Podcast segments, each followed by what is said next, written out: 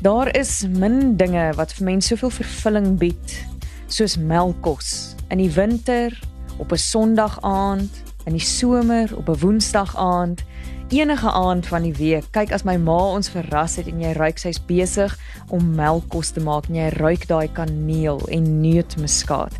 So ek het vir Gerard gaan vra om vir ons uit te vind Nommer 1 waar kom melkkos vandaan? En dat dit nou so 'n reg Suid-Afrikaanse dis is. En dan tweedens hoe maak 'n mens tradisionele melkkos? So kom ons vind uit.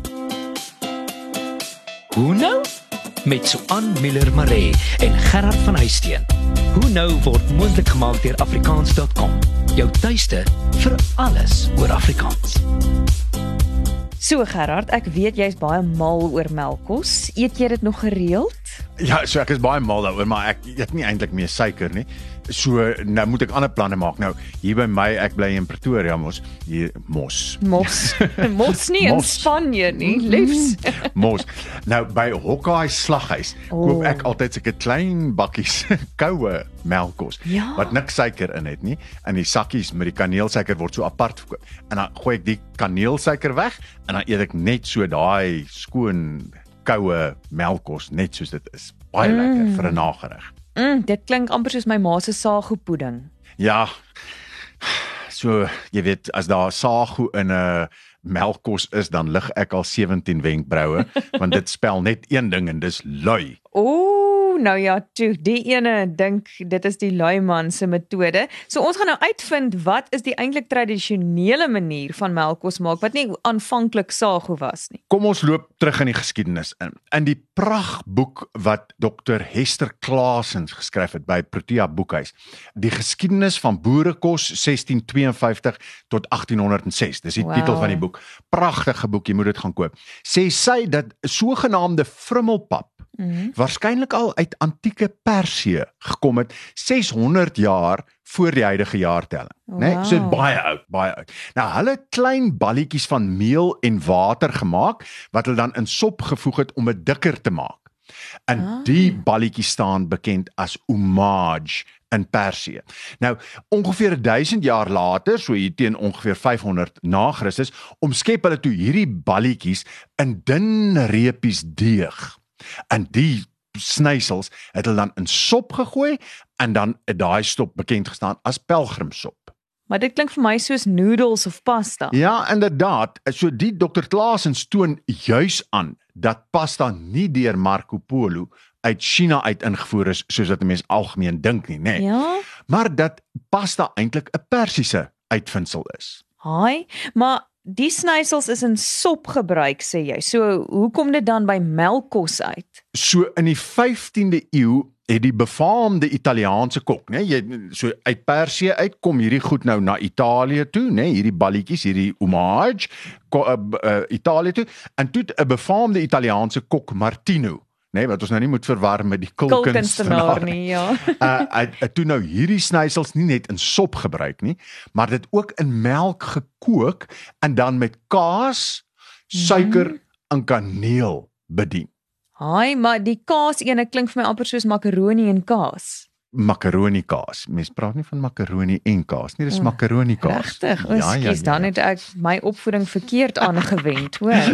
Uh, Goed, makaroni was- kaas. dit was wel die voorloper daarvan. Nou hierdie snysels van Martino het bekend gestaan as lasagne Aha.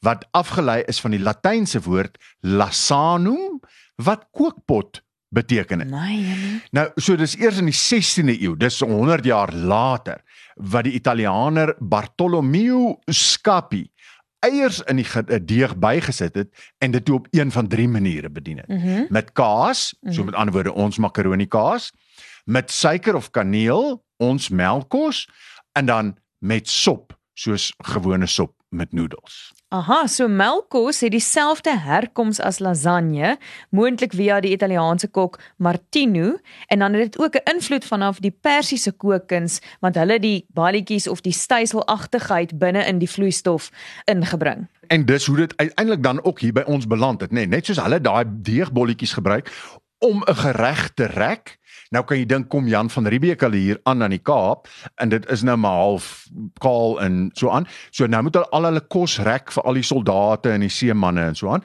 En dit was een van die maniere, 'n goedkoop maniere om 'n gereg te rek is om dan hierdie meelballetjies daarin te sit. Nou die Maleiers wat toe na die Kaap toe gekom het, het waarskynlik meer die frummel pap ding na ons toe gebring, nê. Nee.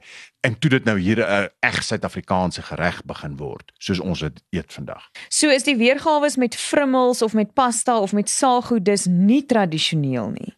Wel, melkkos met frummels mag dalk ouer wees, nê? Nee? Mm -hmm. Maar die tradisionele Suid-Afrikaanse resep is die ene met snysels. En as jy nou soos ek gesê het, jy weet makaroni of sagu of so iets wil gebruik, jy's gewoon lui. Ha, al dus Gerard of Diene van Sail wat gesê het jy moet eerder met snysels of frummels melkkos maak. Nou net na die breek vertel ek dan hoe ons melkkos met snysels kan maak. Bly ingeskakel. Is jy op soek na gratis aflaaibare leerhulpmiddels vir jou klaskamer of kind? Afrikaans.com se leerhulp afdeling is net die plek. Plakkate, flitskaarte, luister- en begripstoetse vraestelle, studiegidse en meer. Van prettige aktiwiteite tot kurrikulumgebaseerde inhoud. Afrikaans.com se leerhulp afdeling bied nuttige hulpmiddels vir voorskool tot matriek. Besoek afrikaans.com se leerhulp afdeling en maak leer lekker. Jy luister na Hoe nou met Gerard en Swan en Swan en Swan. Jy luister na Hoe nou in ons praat vandag oor tradisionele melkkos. En aangesien so aan nou so 'n gesiene en gewaardeerde kok is, nê, nee, TV kok en alles, het ek die uitdaging aan haar gestel.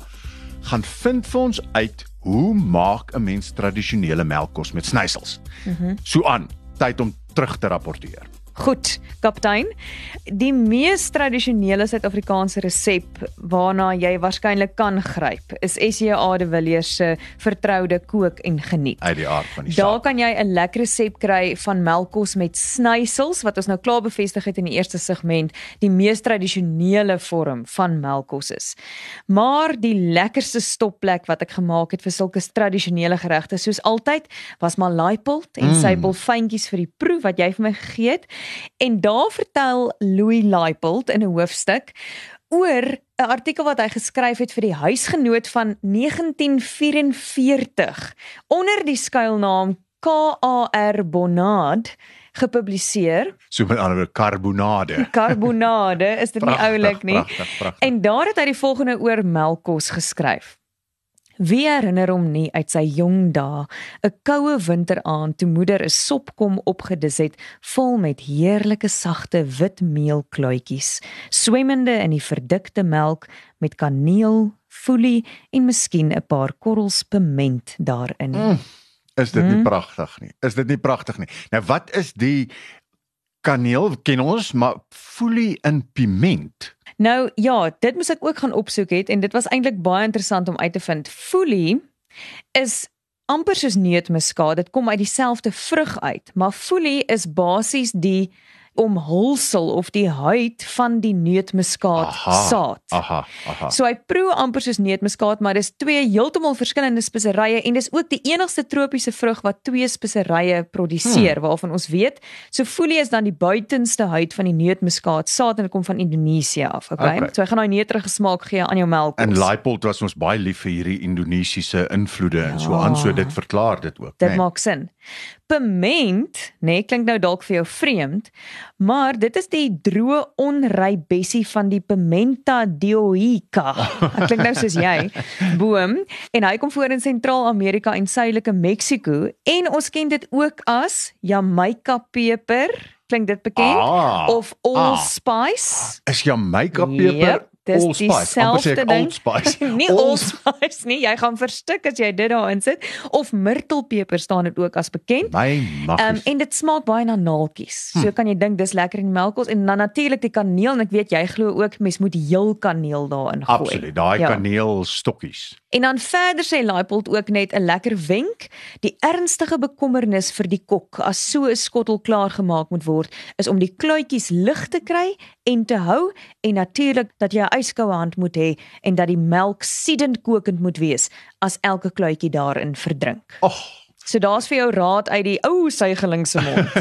dit klink amper soos koeksusters, né? Nee, moet mense ook mos maak met 'n Ja. yskoue yskoud in die oggende maak. Ja, en jy het my vertel hoe jou ma altyd 3:00 die oggend Mm, opgestaan het om koeksusters te maak, waarskynlik ook die snysels vir die melkkos, nê? Nee.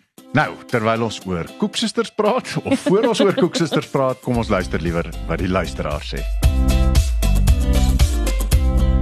So daar's ongelukkig nie nou tyd vir luisteraars terugvoer nie, maar ek wil net vir jou sê, ons het laas vreeslik reaksie, lekker reaksie gekry na ons Malva pudding episode. Onthou jy dit gerad? Kwel ek nou sommer weer en onthou as jy wil gaan luister na vorige episodes of as jy lekker ander resepte wil kry, kan jy gaan na afrikaans.com toe. Hulle het klomp lekker goedjies daar. En as jy wil sien hoe ek en Gerard toe nou die Malva pudding op TV gemaak het op die groot ontbyt op Kyknet, gaan maak gerus 'n draai op my eh, Instagram rekening, so aan en so aan en dan gaan soek jy net daar vir hoe nou Malva. Jy behoort dit ook te kry as jy Malva die groot ontbyt Google. Nou ja, dis al vir vandag. Dankie dat jy saam geluister het. Tata. Doodles. Hoe nou is saamgestel en aangebied deur Suan Miller Maree en Gerard van Huisteen en word moontlik gemaak met die tegniese ondersteuning van Marula Media en die finansiële ondersteuning van afrikaans.com. Jou tuiste vir alles oor Afrikaans.